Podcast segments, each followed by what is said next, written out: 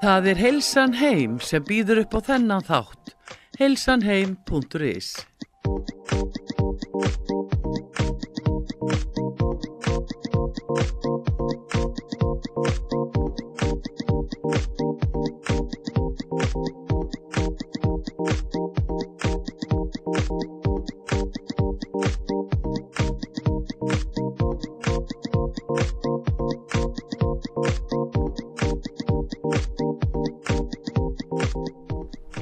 Komið sæl og blessu kæru hlustendur út af sögu. Sigrun Kjartansdóttir heiti ég og þið eru að hlusta heilsu þáttin Heilsan heim. Hjá mér í dag er góður gestur. Það er hún Elisa Guðrún Brynjólfsdóttir. Elisa er engaþjálfari og hóptímakennari. Bæði hjá völdklass og annar staðar. Og við Elisa ætlum að tala aðeins um heilsuna og bara hvaða skiptir miklu máli að eh, vera heilbriður. Og við ætlum kannski líka aðeins að ræða það hvað er að vera heilbriður. Elisa, velkomin. Takk fyrir, Bara gaman Takk. að fá því heimsók. mjög gaman að koma. En, en þegar að ég hitti Elísu fyrst, þá hefði ég aldrei geta ímynda mér að þegar ég hitti Elísu fyrst þá bara, uh, hún er ótrúlega lítur, hún er lítur út svo hraustlega, alltaf í góðu skap, er þess og kátt og skemmtileg og maður gæti bara ekki fengið betri kennara og, og bara vin og allt saman en Elísu og ég hefði aldrei geta ímynda mér í raun og veru uh, hvað Elísa var veik. Og við ætlum aðeins pínlítið að ræða um það núna, Elisa ætlar aðeins kannski að fræða okkur um, um, um veikindin sín og við ætlum að ræða aðeins um þau. Bæði, bæði hvernig þau gerast, hvað er hægt að gera og hvernig hún hefur unnið út úr sínum veikindum. Já. þannig Elisa það er spurning hvort þú myndir bara segja okkur pínlítið frá því. Bara, þú veist, hvað gerðist? Já, sko, ég er raun og veru, er hérna bara, bara ósköp venjuleg, finnst mér ekki sagt venjuleg, bara svona hérna þang til ég er þrítug og er bara vinn á fullu og alveg mín börn, á orðu tvö börn, þannig að fyrir þrítugt. Um, og já, er bara reyndar að gera allt á mikið eins og gengur að gerist Já. og hérna og er bara, já, vinn of mikið og ger, teka mér alls konar verkefni að það minnst mjög gaman að gera alls konar. Og enda svo í því að ég greinilega brenn út en ég átta mig kannski ekkit á því eða ég hlusta ekki mörkin sem að voru kannski farin að segja að þú veist það væri eitthvað að gefa sig. Þú veist, mig að fara að líða ekki drosalega vel, ég þurfti að fara í veikindalegu út af alveg stöðugum höfuverkjum, e, fór í stutt tími burtu en svo kom ég bara aftur í vinnu og bara nógu mikið að verkefliðum til að halda sig gangandi. Um, og ég einhvern veginn held mig gangandi í eitthvað tíma bara svona, síðan fer ég, gerist greinilega eitthvað hjá mér í höfðinu og ég fæ, sagt, byrja einhvern veginn á því að ég, það gerist eitthvað þannig að ég er ekki að borða og þá líður mig betur. Og sem er rosalega skrítið af því að með því að borða ekki þá fekk ég orku já, og sem er, þú veist, algjörlega andstæðan við það, þú færð orkuna úr fæðinni já. Oft er það akkurat hins veginn þegar fólki líður illa, þá leggst það bara í, í bara mat og jafnvel ofátt. Já, akkurat. Uh, og oft er þetta kannski, þú veist, þú ert eitthvað að borða tilfinningar og annað, hjá mér var þetta einhvern veginn svona ósjálfrátt, þetta í raun og veru kemur aldrei upp sem eitthvað, ég ætla ekki að borða, ég ætla að vera í megrun, ég ætla að stýra þessu, heldur gerist þetta bara svona einn daginn, finnst mér nánast, eins og það bara svissað einhverjum takka í höfðin á mér. Og ég varð fekk einhver svona þrá ekki fyrir þessu, að ef ég borðaði ekki, þá gæti ég mætti vinnuna, þá var engin kvíði, sem að var náttúrulega undirstaðan þannig sé fer að byggjast upp hana í börnátinu sko, þú veist að fyrir það er kvíðin frá því ég bann en svona verður svona rosalega mikill á þessum tíma. Og en þá sérst með því að borða ekki að þá allt inni varði ég sko minna kvíðin þannig að þetta var eiginlega svona pínus og deyfing Já, á það og kom, kom mér þannig í vinnuna, þú veist, kvíðin ham, hamlaði mér ekki. Þannig að ég held áfram þannig og einhvern veginn er, verður þetta svona það sem að hausin á mér fókusar á daglega. Ef ég borði ekki þá get ég gert það sem allt annað sem er ætlast til að mér. Um, fyrst virkar það bara nokkuð vel og, og ég bara auðvitað með þess að þrá ekki fyrir því að borða sem minnst og, og byrja að telja hvaða er sem ég læt onni og helst kaloríur og minka alltaf markið hvaða er mikið sem ég má daglega um, en ég er svona uh, það er kannski eftir svona fimm mánuði í svona ferli sem að ég hugsaði bara þetta er ekki veist, þá var ég alveg viss um að þetta var eitthvað skrítið sko, hvernig ég var farin að haga mér, hverju ég var farin að sleppa, ekki hitta vin og annað eftir það þýtti oft að borða að saman. borða. Já, en tengdist akkurat. þetta, en Elisa, tengdist þetta því að þú horfðir í speilin og fannst þú líta illa út alls ekki nefnilega. nei, Það er nefnilega svo skrítið, þetta hafði ekkert með líkamsýmyndinu minn að gera. Það var í raun og veru bara eitthvað svona, eitthvað sem gerðist í höfðin á mér og svo fór þetta að kalla náttúrulega með tímanum. Þá var það hluti af tjekkinu. En tjekki, þú veist, að flýti speil og segja, ok, þetta er að virka.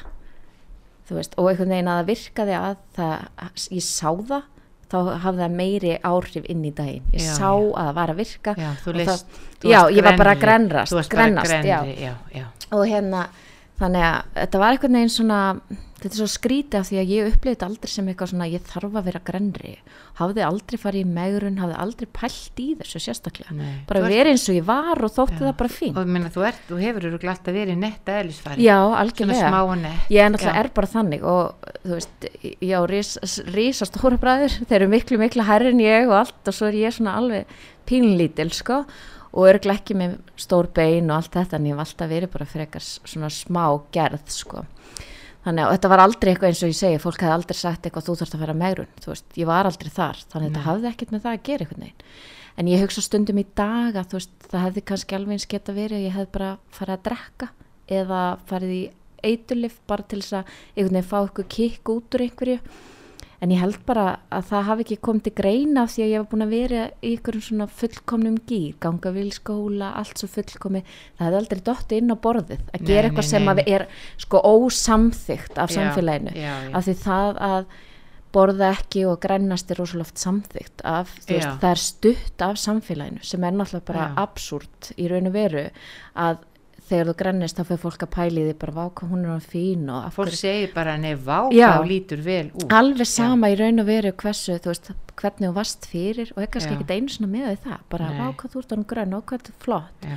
meðan þú ert ekki orðin alveg bara ekki alveg rosaleg já, já, Þa, þá sér fólk það en ég er alveg sammálega í þetta er þessi líkamsvitund og það að styðja alltaf þetta er kannski bara erfitt og óheilbritt og það er nefnilega mjög óheilbritt mér finnst stundum eins og samfélag okkar sé sko svona með óheilbritt samband við bara almennt sko við mat af því það er bara í hverju hotni veist, þú fer hvergi án þess að þú heyrir einhver tala um að hann sé að fasta eða sé á keto eða þú veist, og sé að léttast svona eða þú veist, hafi lést svona mikið af þessu. Og þetta er einhvern veginn blasta allstar og þú hittir fólk eða, inn á kaffistofu, inn á Þú veist, þetta er bara ót, sérstaklega það eru konur, það er svona konu vinnustæður það er rosalega mikið svona nei, ég má ekki fá mig þetta, ég er nú að reyna að halda við mig, eh, halda í við mig og veist, þetta er svona eins og samfélagið bara er, þetta er svona s- samþykkt leið til þess að, að þú veist, finna veljan eða hvað það er, þú veist, að stýra einhverju.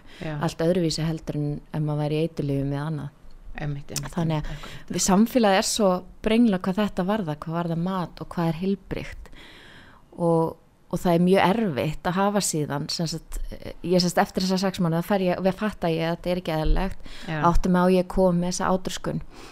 Og, og svo og sæki þá um að komast í ykkur meðferð. Gekk ekki sérstaklega vel að komast inn þá var langur byðlisti og alls konar svona og meðan bara grentist ég og grentist þú og þá var ert þú fólk ekki nógu afgerandi veik eða hættuleg sjálf Já, eh, sko, þú veist, jú, það var bara, það skipti ekki máli. Það var bara ekki, þú veist, mannafli til að sinna þeim sem eru veikir, það var ekki pláss og allt svona.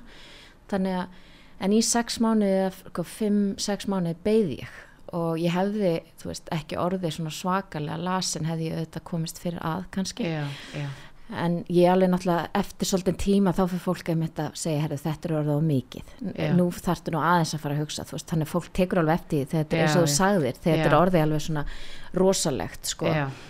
Uh, en ég var sko, ég var samt eiginlega ekki tilbúin þannig sem ég hætta þó ég vissi þetta væri óheilbrygt. Að mér fannst ég ennþá græða á þessu. En ég var löngu hætt að græða eitthvað á þessu, sko það var bara þessi stjórn sem ég var ekki tilbúin að láta af hendi, ég var hrættum ef að stjórnin færi þaðan að ég erði þá bara kvíðasjúklingur og kæmist ekki neitt og yrði bara föst heima. En ég vildi náttúrulega helst geta sinn því sem ég þurfti að sinna sem mér fannst ádurskunni að þetta hafa stjórna því sem ég var að láta onni mig og Gefa alveg mér. með orku? Já orkan kom eiginlega úr þráökjunni sko, þú veist, að, að stýra vera með svona mikla stjórn. Já, en það er náttúrulega samt sko, ég myndi segja þegar að fór að líða á eitt ár í svona miklu svelti að þá hérna, fannst mér orka meira orðin lítil, Já, var orðin já, lítil. já. mér fannst ég þurfa að leggja mig ég þurfti að leggja mig eftir vinnu ég þurfti að fara fyrir að sofa það, veist, það var allt þetta. Þannig að hún var ekki mikil.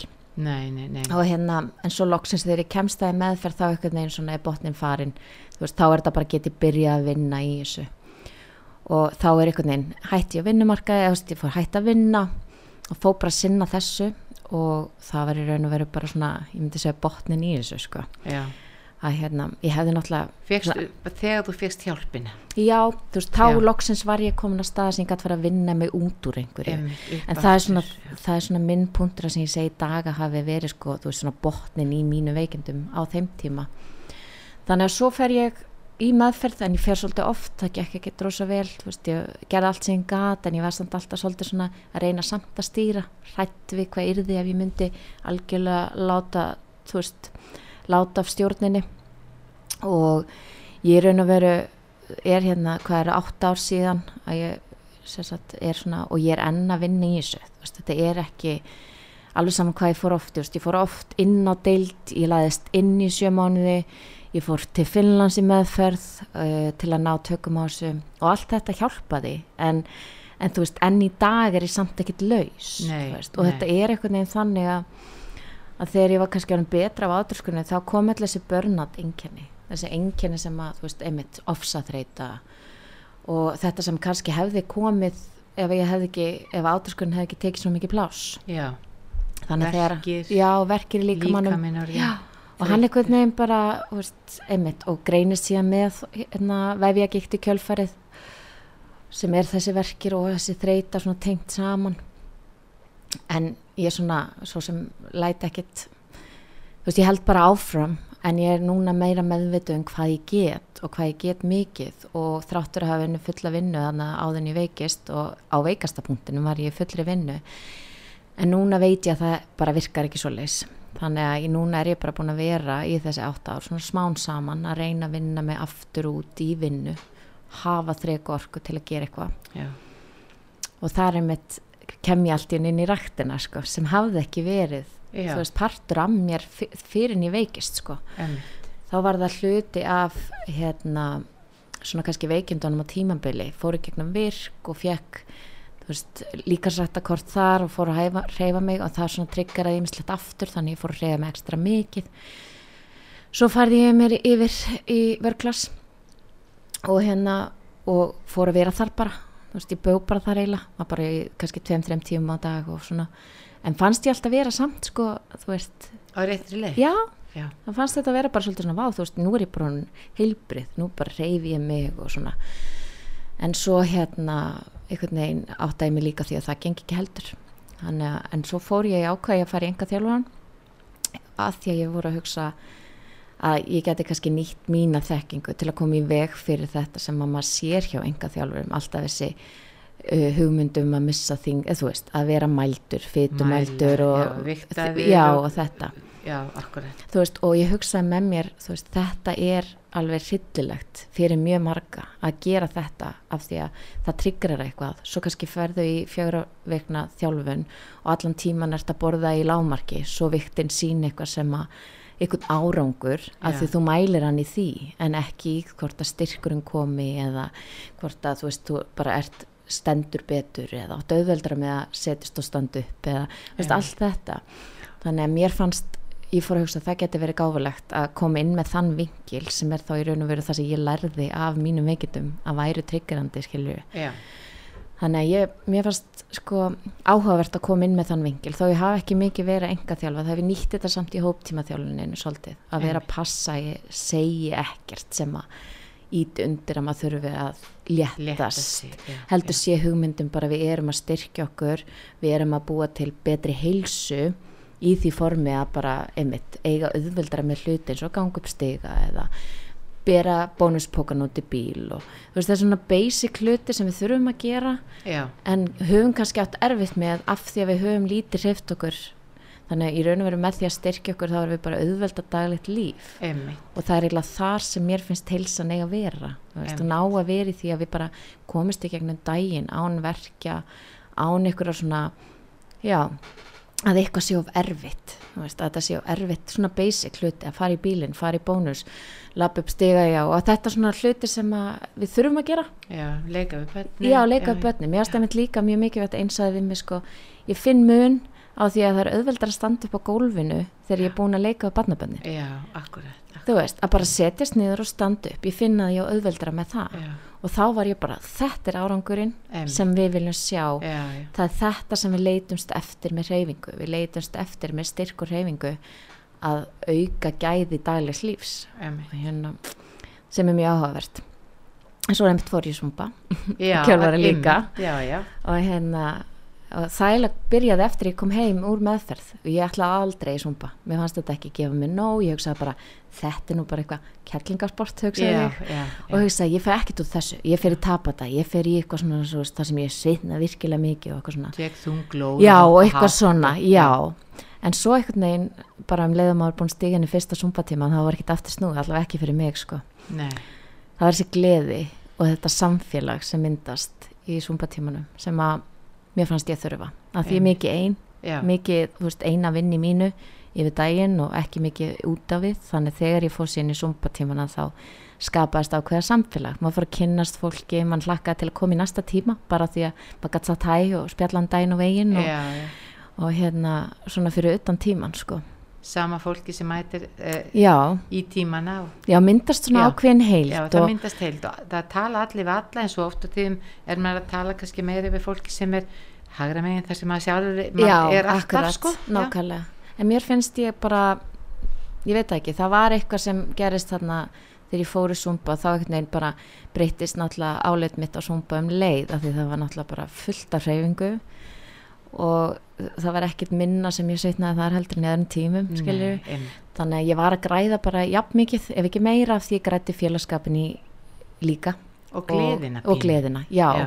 það er nefnilega það sem að sko, þú veist gerist svolítið í sumba sem er ólíkt öðrum tíma og nú segir það að því er að kenna aðra tíma. Maður finnur alveg munin á því að kenna hóptíma sem er ekki sumba og svo sumba, bara upp á þetta veist, fólk getur alveg verið glatt sko það er ekki það, en fókusin er kannski bara á annað, við erum að vinna í styrk og allir bara í sínu með sína þingda lóðum og allt þetta, sumba erum við bara öll saman. Einmitt, já, að gera bara sambarilega hluti og er svona alltaf bara reyna að dansa sama Já, dansin og allt já, þetta og, og það kemur þessi bara svona já, eða mér finnst það svona ákveðum bara svona orkusprengja. Og þegar ég kem út þá er ég bara þú veist, ég græði mikið meira í hreyfinguna. Þú veist, ég kem út og maður bara endorfín og maður er bara svo glaður og ég veit ekki hvað það er það var eitthvað sem ég grætti auka á þeim tímum þess vegna fór ég að sækja þá sérstaklega og hætti í raun og veru hinu svona Já. smá saman, en maður hafði ekki tíma fyrir allt saman sko. Nei, nei, nei, nei. þannig að hérna að já, og finnst þetta bara ennþá æðislegt og ég mæli með Zumba út af því að það er það er þessi gleði Einmitt. Er þessi auka þáttur sem maður græður við reyfinguna, þannig oft segi ég það einmitt, þú veist, þegar maður er að segja veist, fólki hvað að prófa og svona komdi í Zumba, að því þar finnur þú græðir aukalega. Ef þú þarft skilur ykkur að gleði líka komdi Já. þá í akkurat. og svona litirnir. Að all, allir alltaf svartir og eins, allir í eins litum við Íslandingar eins og mikil hjarðhægðun það er alltaf allir eins einhvern veginn. En í Zumba það eru bara litir. Já. Við erum að reyna að, að fá fólk til að mæta í litum, sko. Já, það er sko, það er eitthvað fyrir mig, þú veist, ég elska bleikan ég elska þessa liti að fyrir mig að mæti þessa tíma þú veist, þá bara mæti ég í mínu litum sem ég Já. kannski finnst mjög erfitt að gera annars já.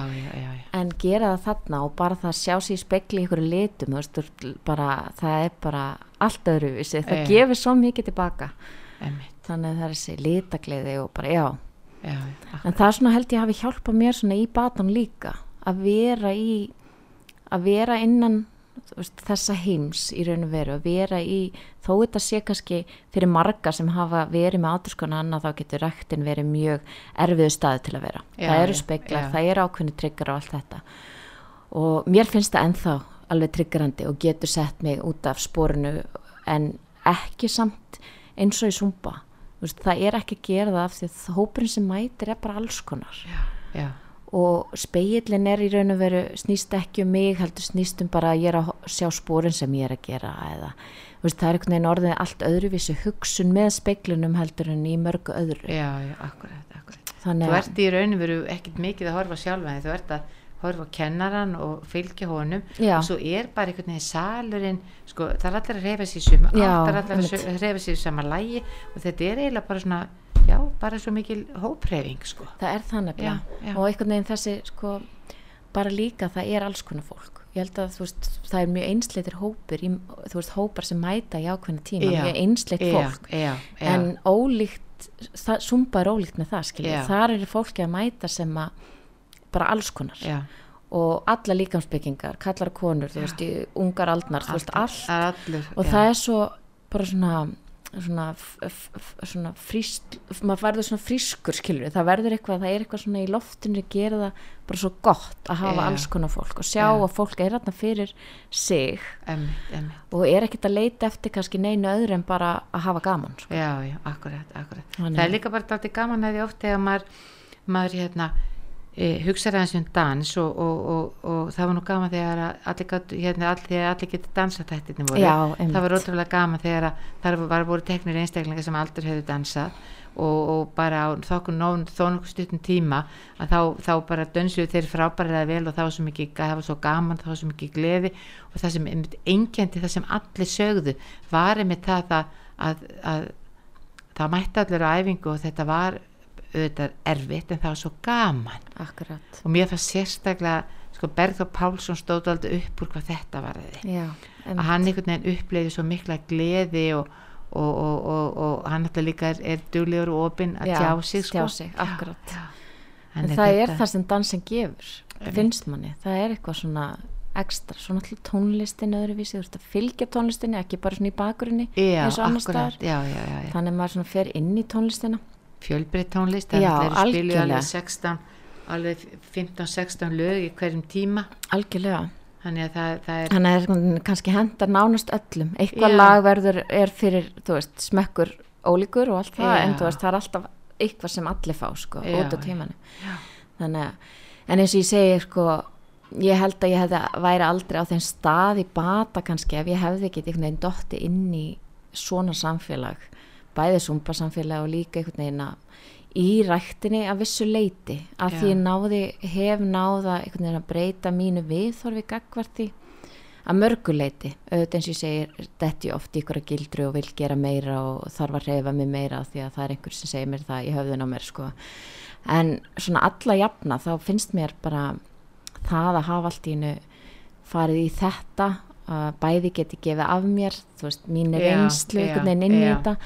en líka bara, þú veist, nýta það sem að varða einhverju vandamáli í eitthvað gott núna, þú veist, að geta þá stilt af hreyfinguna og bara gert eitthvað sem er gaman að hreyfing sér skemmtilega en ekki ykkur kvöð, þú veist, að ég sé ekki að mæta orkulegs af því að bara því að eitthvað segir mér ég verði að fara í dag já, eða, já, og verður að vera klukkutíma stigavelinni, þú verður að gera þetta eitthvað svona, sem var mjög algengt. En dag er þetta bara, þú veist, ég mæti ekki þegar líka með banna mér það. Nei, að því að þú veist bara hef, þá hlusta ég sko. Þannig ég komin á þannig stað að hilsan er svona öðru vísi, þú veist. Ég myndi aldrei segja ég væri með eitthvað bestu hilsuna því ég er náttúrulega bara að díla við einhvern veginn eftirköstu af öllu. En, en svona, þú veist miðan við vestastæðin er ég á mjög góðum stað. Já, það er góðum já, Nú, nú, nú hérna tókstu sko enga þjálfar og, og síðan fórstu og lærði zumba-kennaran já, og þú ert að kenna zumba heilmikið og Já. síðan ertu með fasta tíma Já. í vörklass líka. Já, þannig að, að sem kennari því ég horfa á þau sem kennara að þá það hefur verið ótrúlega mikla útgeslun nærð fólki með þér, alltaf brosandi og ég held að allir elskir þannig þú hefur algjörlega þú ert bara virkilega á réttum stað. Já, mér finnst ég, mér líður vel í þessu hlutverki en auðvitað líka áður en ég veikist þá er ég uh, aðeins, aðeins að kenna í háskólinu og þar er ég að kenna mitt fag og annað og, og er líka, þú veist, aðstofakennari er að fara yfir verkefni um, leiðbuna í rítgerðum og annað þannig að mér alltaf fyrst þótt gaman að þú veist, og fundist ekkit erfitt að halda fyrirlestra Nei, um nei. mitt efni Nei, nei. eða neitt þess slags sko. Einmitt, þannig að það kannski kemur líkur því að á undan sérst, áður en ég fyrir háskólan þá er ég að spila á hljóðfæri, ég syng á tónleikum í kór Já. eða syng sjálf einsöng, þú veist, ég var í þessu hlutverki og elst svolítið upp í því að standa sjálf. Já, og hérna, þannig ég held að það hafi svona þróast með mér kannski, já, já, veist, inn í þetta að ég get Einmitt. síðan fer í kennslun í háskólanum og er þar að, með mitt fag en ég er sérst tákmálsmálfræðingur í grunninn. Þannig að og var að kenna þess í tákmálsfræðinni og, og hérna og sérst það að hafa gert það og að koma svo í kennsluna núna þá er þetta svona veist, það er eitthvað svona gamalt form sem ég þekki. Já, þú veist, að mæta og kenna. En ég geng svolítið píninni það, þó þetta sé náttúrulega bara algjörlega sikkur sko, hérna, já. pening. Annað er reyfing og hitt er eitthvað svona já. fræðilegt. En, já, já, en hérna, en samt sem áður þannig er smá tenging við það sem að ég var góð í líka í já.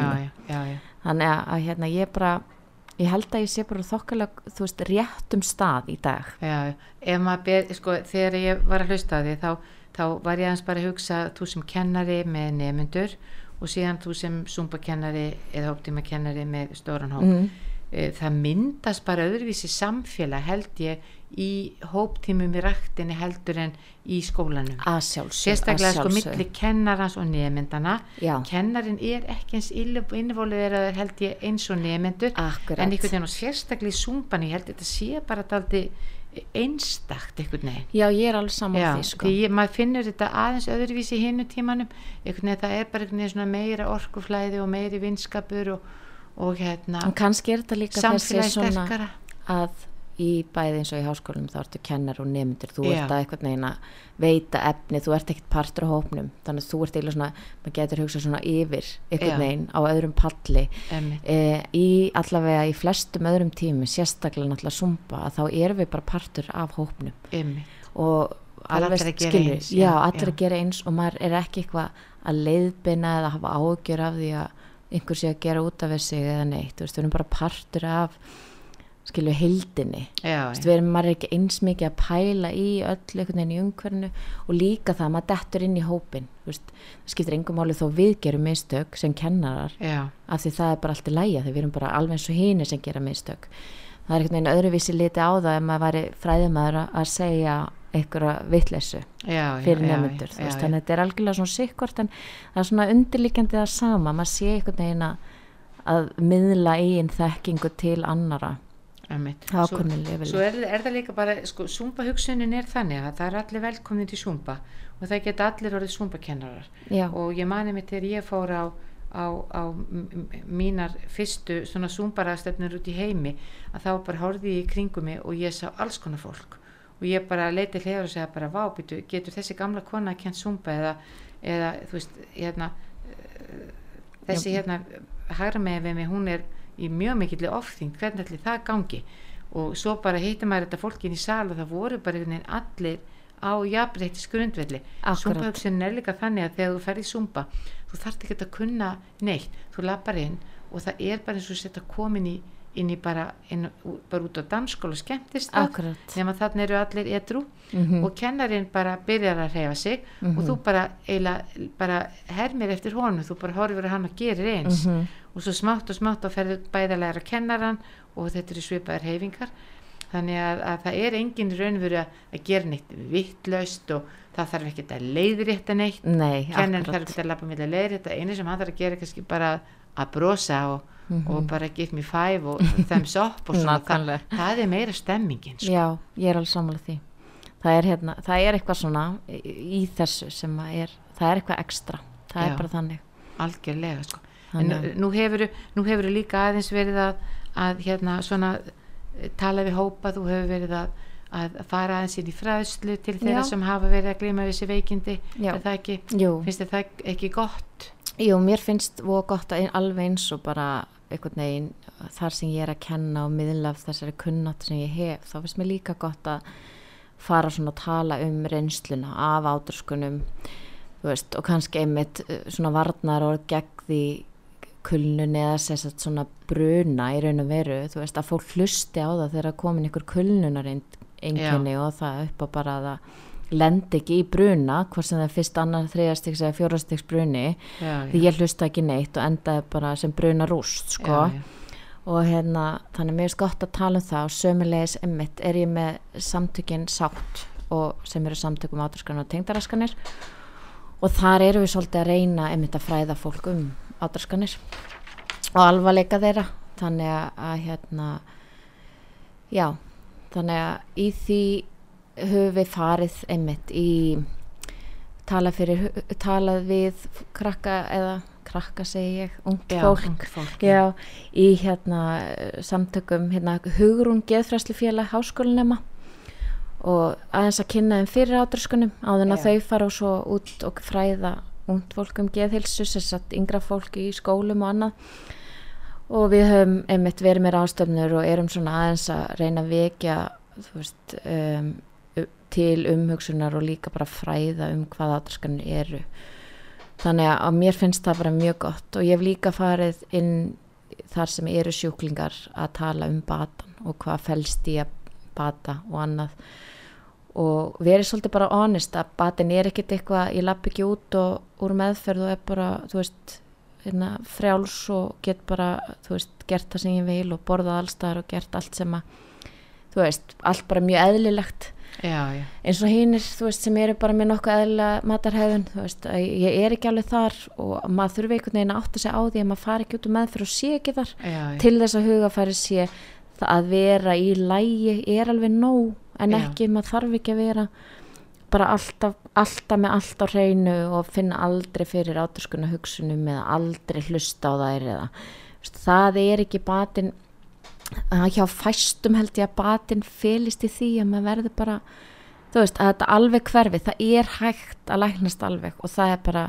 geggjað ef fólk kemst þangað Já. en stórpartur held ég að sé alltaf aðeins með þetta svona og þurfi að berjast við það og næstu fara á sko eins og aðfundi til þess að minna sig á aðferðir já. og þannig sko og hvernig maður held, heldur sér Þetta er- réttu megin sko. en þetta, þú ert að vera einhver píldi að segja að, að, að þessi sjúkdómur er að mörguleiti svipaði bara eins og, eins og hérna, e, matarfík, e, áfengisfík e, eitthulegafík Já. þetta er, þetta er, þegar þú ert komin að þennan stað og veru komin það langt að þú ert búin að þróa með þér ákveðna fík Já. sem er raun og veru að þó þú sért komin út úr henni að hún er alltaf hinum staðar. með við hurðina og maður þarf að passa sig.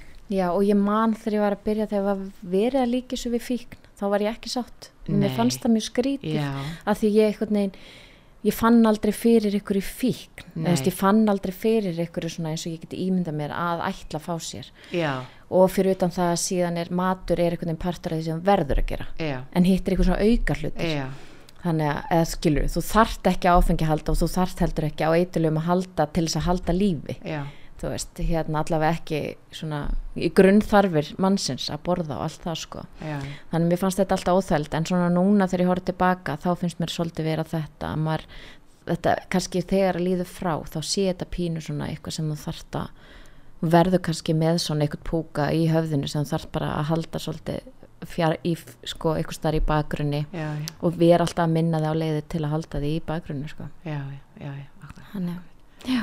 það er bara um, um svo margt hérna, er þetta frekar yngra fólk sem er að glima við þetta? Sko upphaflega, þú veist, eða sko það sem ég svona, hvað ég segja, þegar ég var einhvern veginn að veikjast, þá fannst mér að mjög skrítið því maður hefði heyrt þetta var meira svona úlingsaldurinn og þessi emmitt út af líkams ímynd Já. og út af einhvers konar megrunum og annað, þannig að þess vegna fannst mér svo skrítið þegar ég veikist kom eitthvað allt annað. Já, það var ekki þessi þáttur sem ég Nei. einhvern veginn tengdi við. En svona þegar ég horfi yfir þú veist að það sem ég hef uh, frætt sjálfa mig um og svona og eftir að maður byrjaði svolítið að tala um þetta og þá er myndi ég halda að aldrei væri það er svona mest innan þessa úlingsára og upp í kannski 22, 30 eða eitthvað svona sem við erum að sjá þennan veist, þannig að það er meira þar já, Svo náttúrulega held ég að þetta var svolítið aukist líka eftir samfélagsmiðla. Já. Þannig við erum með yngri hóp sem er kannski meira á Instagram og TikTok og alls konar svona þar sem þeir eru að koma ykkur svona, þú veist, eitthvað, hvað, hvað borða ég og hverju degi og svo myndaðir eða eitthvað svona, þú veist, það er alls konar svona og filterar.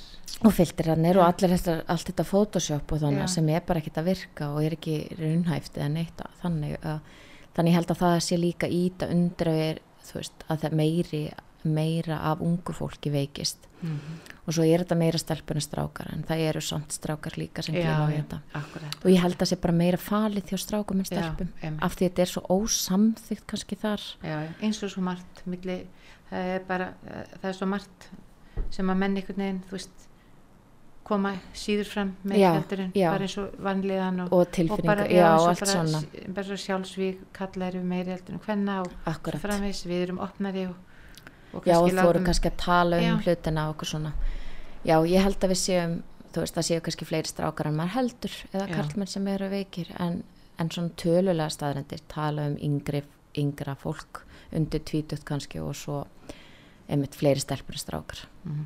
finnst þér samfélagi vera réttri leið eða eru enda hættumerki Mér finnst sko samfélagið ótrúlega brenglað. Mér finnst bara að breytast frá, þú veist, það er ein bylgjan og svo önnur, hvað var það mataræði, hvernig þú átt að haga þér og hvað þú átt að, þú veist, hérna, einhvern veginn, hvernig þú átt að líti út kannski. Uh, og það nærði ekki fram, því nærði ekki fram nema meðskilu að þú ætlir að prófa keto eða, þú veist, allt þetta. En ég hérna, en samt finnst mér vera komin svolítið þessi líkamsýmynd og líkamsvitund og þessi jákvæða líkamsýmynd. Mér finnst hún svolítið vera að reyða sér rúms og mér finnst bara ótrúlega gaman að sjá það sem er að gerast í því en bara held að þróunin sé alveg opbáslega hæg. Já, á meðan við einhvern veginn samþykjum það að bara allir í kringum okkur séu einhverjum kúr, skilur föstu eða keto, já, er þú Já. að keto? Ég er bara fasta, þú veist, það Já. sé alltaf þetta samtal akkurat. að hérna, í staðin fyrir að við erum bara eins og við erum og, og okkur er ekki gert að vera öllum eins, nei, nei, allum eins, þú veist, við erum ólík beinastarð, við erum ólík, ólíkan auglit, þú veist, við erum bara DNA-lega séð, erum við Já, bara ekkert gerð já. til að vera öll í ykkur ákveðnu, ykkur stærð. minnst sko. Já, þannig ég, ég er svona vonasamt og bara, ég held bara að skrifum sér mjög hæg já, já, en því meiri sem ta fleiri sem tala um líkams virðingu og einhvern veginn að mæta sér hverju sinni já, þá held ég að bara sætta sig við stöðu líkamans hverju sinni og að það sé í lægi að eldast og líkaminn megi eldast með okkur og það sé bara partur af þróunin og allt þetta. Að ég held að með því svona hægt og rólega breytust við og Já.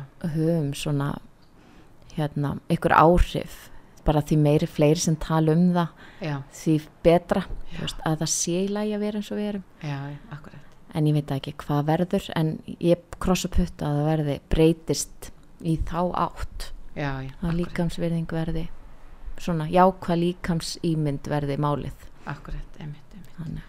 við hérna og eitt uppáðslægið hjá mjög mörgum í Zumba er, ég er eins og ég er með Pál Óskari. Akkurat. Og, og, og það segir svo margt um ekkert bara samkynhegða heldur bara um alla stóra litla.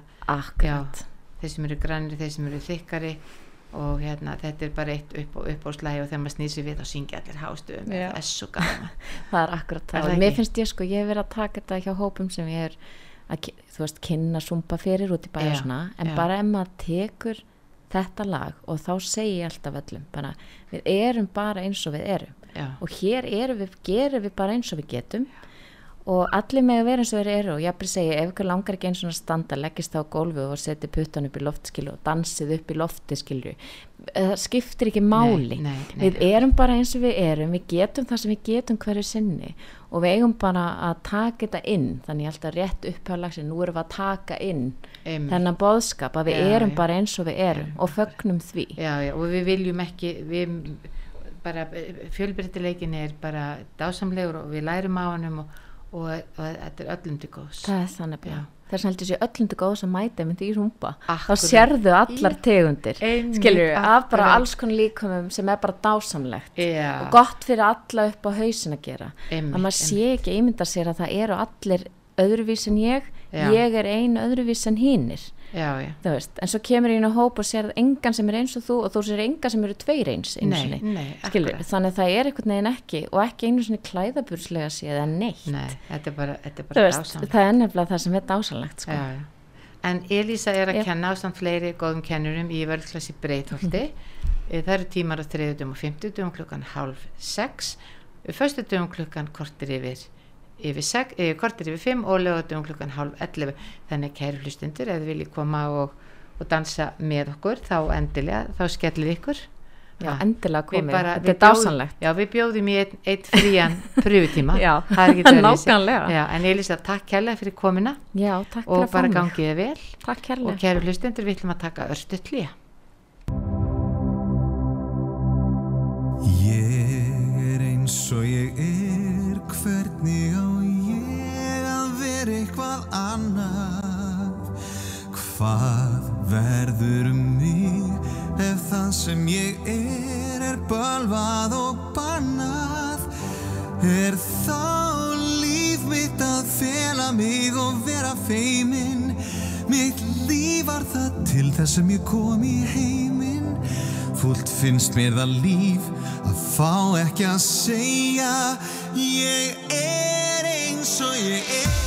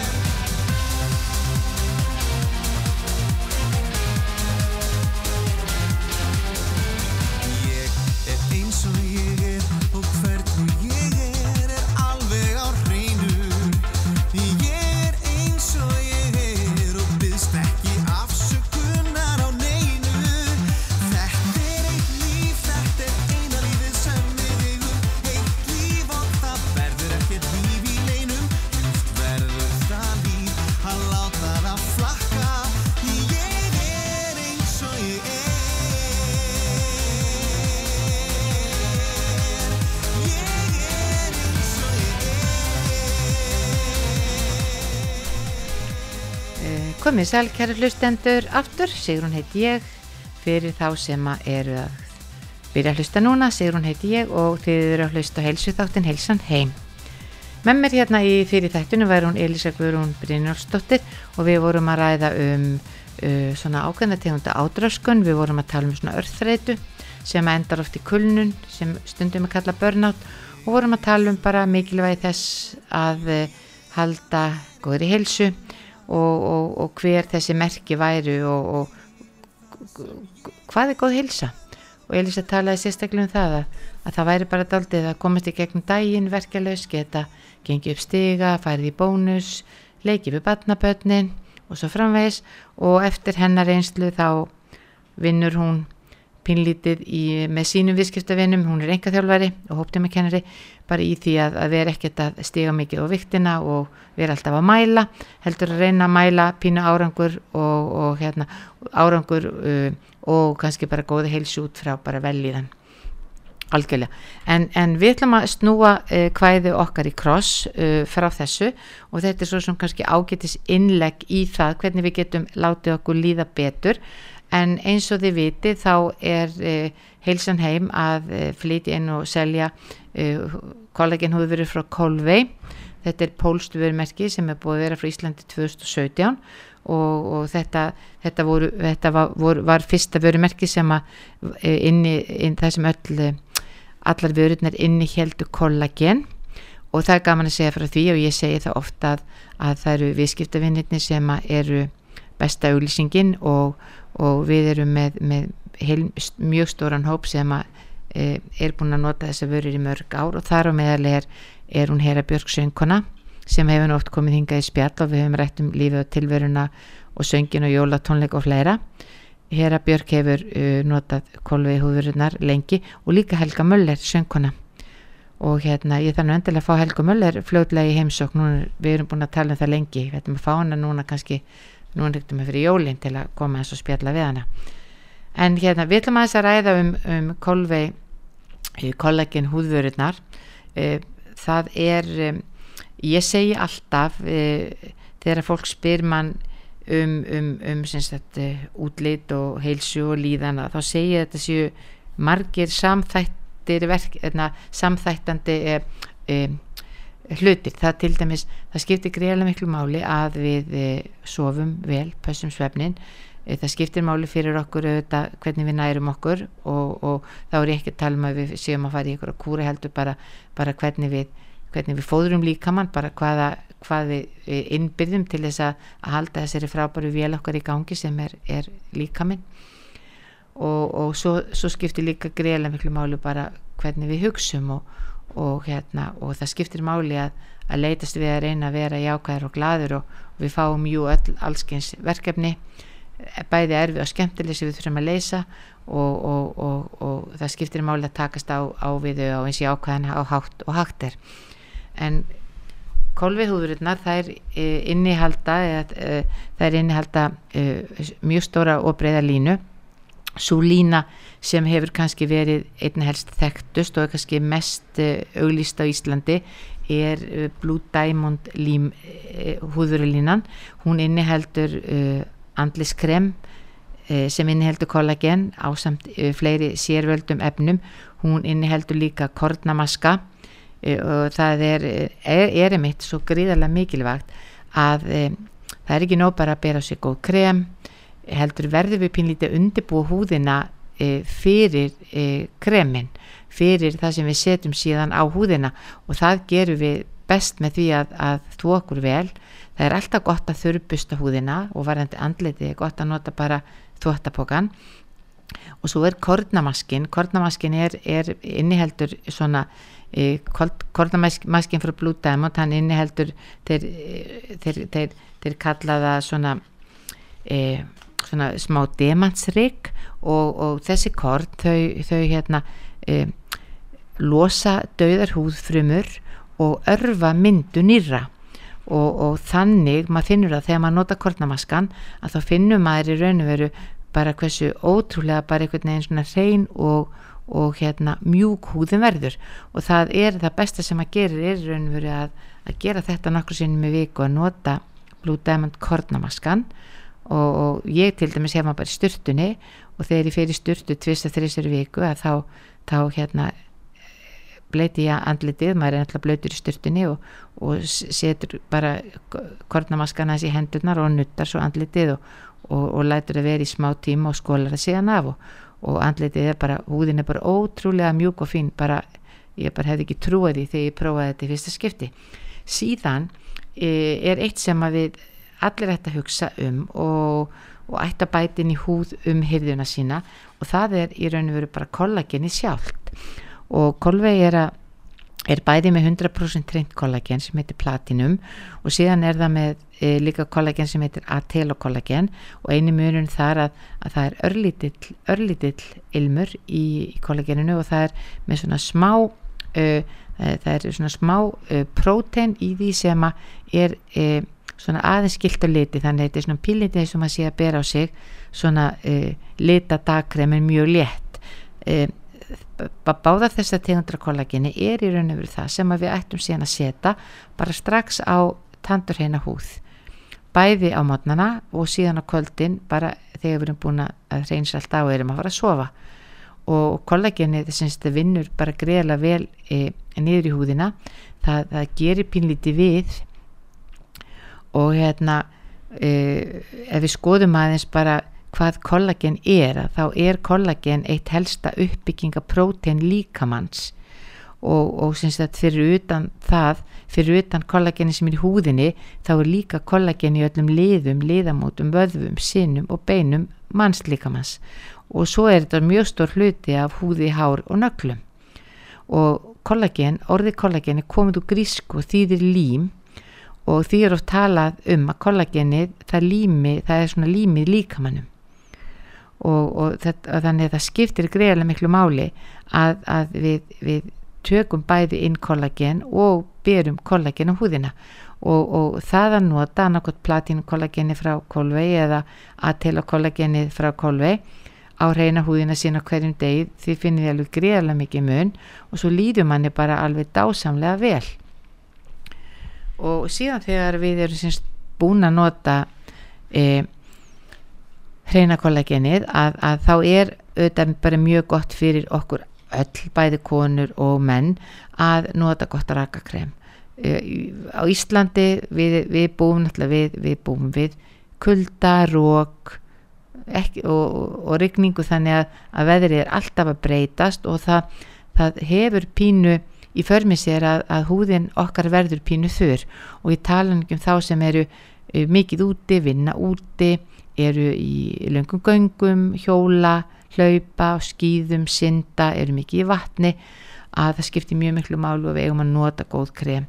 Og kollagen eh, Kolvei er með eh, tvær tegundra kollagen eh, rakakremum, annars vegar Blue Diamond rakakremi sem er er greiðlega vinsalt uh, það er hendar eldri húð betur heldur en kannski yngri húð en, hún hendar öllum húðum. Það eru mjög mikið af ungum stúlkum sem að, sem að hérna nota Blue Diamond uh, kollageni. Þó að það sé svona kannski framleitt þá bara frekar fyrir, fyrir eldri húð vegna þess að hún er, það er meiri raki og meiri næringi því kremi. Og síðan eru við með annað uh, rakakrem sem heitir Atelo og heitir Atelo MC2 það er svona léttara og, og, og hendar, hendar líka öllum. Þarna þarf maður stundum bara að prófa sér áfram að setja bara gott, bera gott rakakrem á sig á hverjum degi, bæði á mótnan og kvöldin.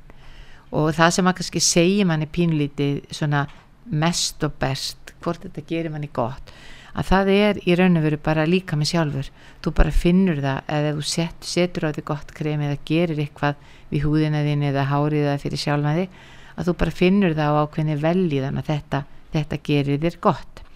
E, það er líka það er líka til e, kollagin fyrir líkamann að því það skiptir það er ekki við, við, okkur hættir pínlítið til að e, hugsa bara pínlítið aldrei um andliti því við sjáum það alltaf mest í speklinum en við þurfum líka að hugsa um auðvitað húðina á líkamannum okkar. Og, og þar er, er kolvei með kollagen sem heitir Pearl. Það er hvað það heitir svona per, það heitir eiginlega Perla heitir kollageni og það er sagt, það er það er líka bara reynd kollagen sem þið bara er mjög gott að bera og sérstaklega e, á þá staði á líkamannu sem eru pínu þurir, það er mjög gott að bera þetta niður eftir hálsinum á bringunni til dæmis bara undir hendurnar framar á sköplungunum þar verðum við oft doldi mikið þurr og svo náttúrulega á alla aðra staði aðra. En síðan erum við líka með, með fleiri krem fyrir líkamann. Við erum með sérstætt body lotion sem heitir Herba Sevum eh, það, eru, það inniheldur 26 náttúrulega efni sem hafa verið nótuð bara, ár, bara ára tugum, árhundruðum saman í eila náttúrulækningar. Þannig að fyrir utan það hvað þetta krem, að þetta kreminni heldur kollagen, að þá eru þarna alveg frábær e, e, frábærar júrtir sem að bara vinna pínlítið í svona viðgerða húðinni. Þannig að þetta er, þetta er alveg frábært, frábært krem. Og síðan erum við með annað krem sem heitir Slimmingserum það er meira að hugsa svona fyrir appilsín húðina og, og á þá staði svona á þá staði sem við erum pinlítið að glima við vandamála húð. Við, við erum stundum að fá svona e, svona votta af appilsínu húð undir hendurnar og bingoveðafanir svo margir kalla. Og svo eru konudaldi að sapninni á, á rassolæri og það er krem sem heitir slimmingserum og, og, og það er, í, í því kremi eru líka svona pinlítil korn og, og það, það er ótrúlega mikill það er mikill raki og góð næring í því kremi þannig að, að við mælum, mælum með því líka. E, síðan er, er eitt sem er e, líka algjör snild og er, er ótrúlega það er ótrúlega hagst að kaupi því. Það er e, andlismaski eða næturmaski sem við setjum á okkur bara eins og eila næturkrem. E, áður við fyrir að sofa og bara sofa með það yfir nóttina og, og það bara gengur inn í húðina e, ofta tíðum þegar við kaupum okkur krem þá eru kremdósirna svona 50 millilítrar. Nema það að þessi nætumaski hann er 120 millilítrar þannig þið eru eiginlega að fá sko þeir að fá eiginlega líku við sko 2,5 dós verlega séð með því að kaupa þennan næturmaska. Og það er alveg frábært að láta þetta, þennan frábæra maska sem inniheldur kollagen og í mig sérvalin innihaldsefni náttúruleg sem að vinna niður í húðina, gera húðina stinnar og fallegri mingar hrykkur og fína línur og allt kollagen það vinnur doldi gegn öldrun húðarinnar að, að, að hugsa eins um þennan, þennan maska. Og, og síðan er eitt sem að við skulum líka hafa í huga að það er, nú eru jólin að koma nú fara kannski jólauðlýsingarna bráðum að, að dempast á okkur að, að, að kollagenhúðverðurnar eru bara ótrúlega skemmtilegar í jólagjafir. Að gefa mömmu, ömmu uh, dóttir sinni konunni sinni til dæmis uh, gott rakakrem. Við erum til dæmis með svona gjafa tösku sem hægt er að velja í. Það er hægt að kaupa bara töskuna einu og sér.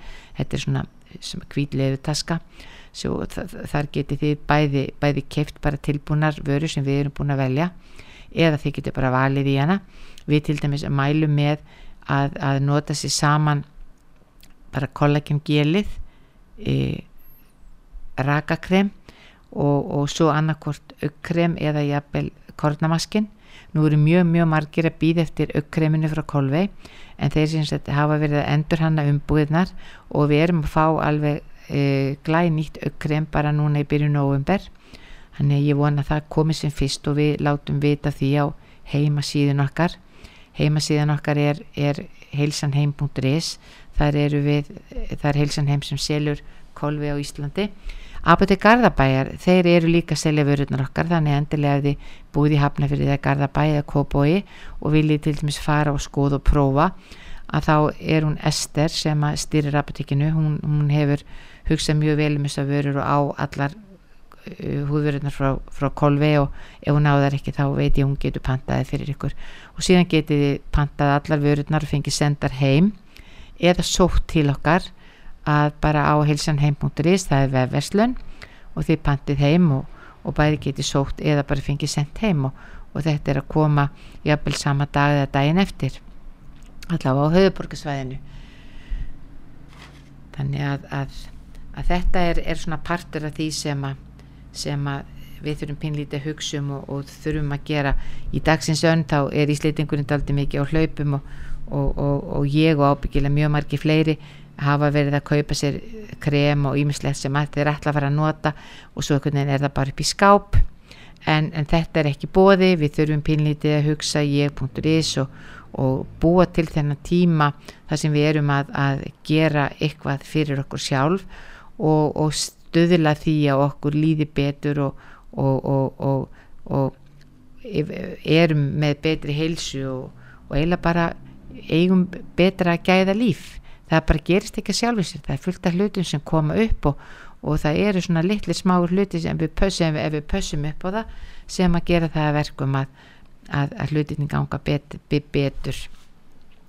en kæru hlustendur það var gaman að fá hana Elísu Guðrún í heimsókn. Elísa talaði um, um svona örþreitu og svona ákvæmna tegund af ádraskun og, og þetta er eitthvað sem mjög margir er að glima við og og sem betur fer eru orðin betri úrræði en voru en það er stór hópur en þá sem er í hættu og, og er trúlega að glima við þetta. Eins og ýmislegt annað, þetta er bara fylgir okkar daglega lífi.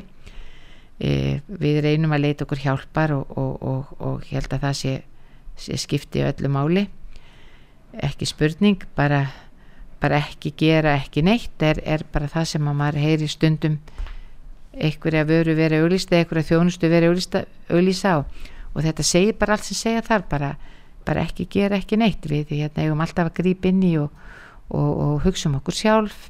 Nummer 1, 2 og 3 setja súrefnisgrímuna á okkur aður við förum að bjarga öðrum að því að ef að við gerum það ekki og, og lendum í svona örþreitu eða kulnun eða förum að, okkur að líða þannig eða fyrir að líða illa þá, þá eru við nú ekki miklu bóar til, a, til að aðstóða aðra. En kæri hlustundur við e, þökkum fyrir okkur í dag og ég hlakka til að hitta ykkur aftur e, eftir viku. Verið sæl